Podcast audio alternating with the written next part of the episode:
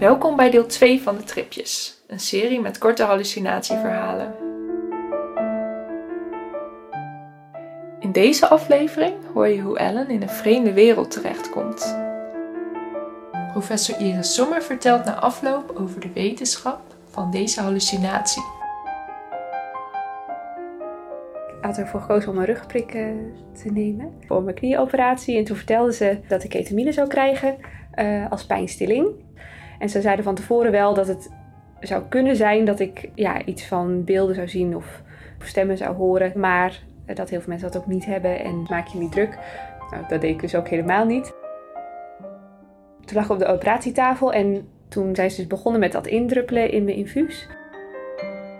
En zodra er één druppel in was, toen voor mijn gevoel viel ik achterover. Was ik een soort van salto's achterover aan het maken. Toen zei ik, wow, ik voel echt helemaal niet goed. Wat is dat? En toen zei ze, oh, we zijn net begonnen met die ketamine, maar ik, druppel hem wel wat langzamer. Maar het maakte niet uit. Elk druppeltje maakte het nog erger.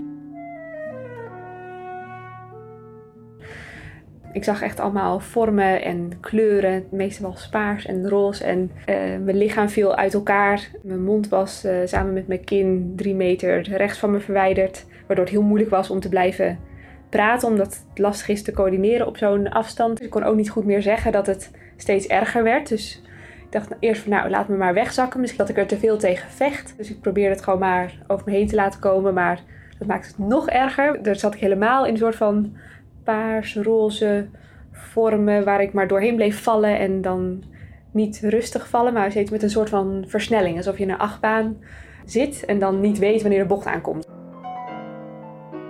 gegeven moment ik echt wel willen schreeuwen, wat niet lukte. Maar uh, gewoon omdat ik het zo naar vond. Uh, ik dacht, haal me hier weg. Ik kon ook totaal de tijd niet inschatten. Ja, in het begin dacht ik, volgens mij lig hier al een uur. En toen zeiden ze, nou, nu gaan we beginnen. Toen dacht ik, oh, ze moeten nog beginnen. Maar toen waren ze natuurlijk al een, een tien minuten die ketamine aan het druppelen. Dus daardoor was ik al helemaal in de war.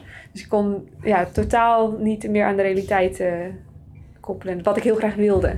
Om het een beetje bij te houden. Maar dat, dat lukte echt niet op een gegeven moment probeerde ik me wel heel bewust van dit gaat over.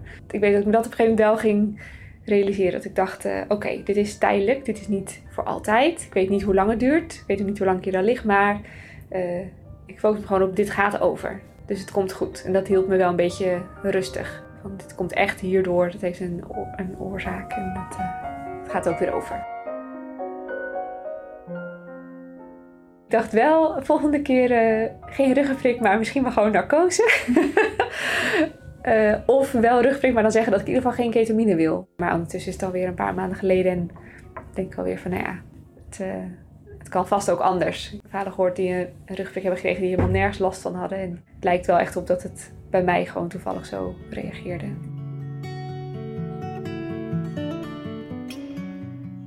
Ketamine is een heel bijzondere stof. Het wordt niet alleen gebruikt om mensen in slaap te maken, het wordt ook ingezet tegen ernstige depressies. En natuurlijk wordt het ook als partydruk uh, gebruikt. En het heeft een aantal merkwaardige eigenschappen. En één daarvan is dat het hallucinaties kan uitlokken. En uh, die hallucinaties kun je in alle zintuigen ervaren.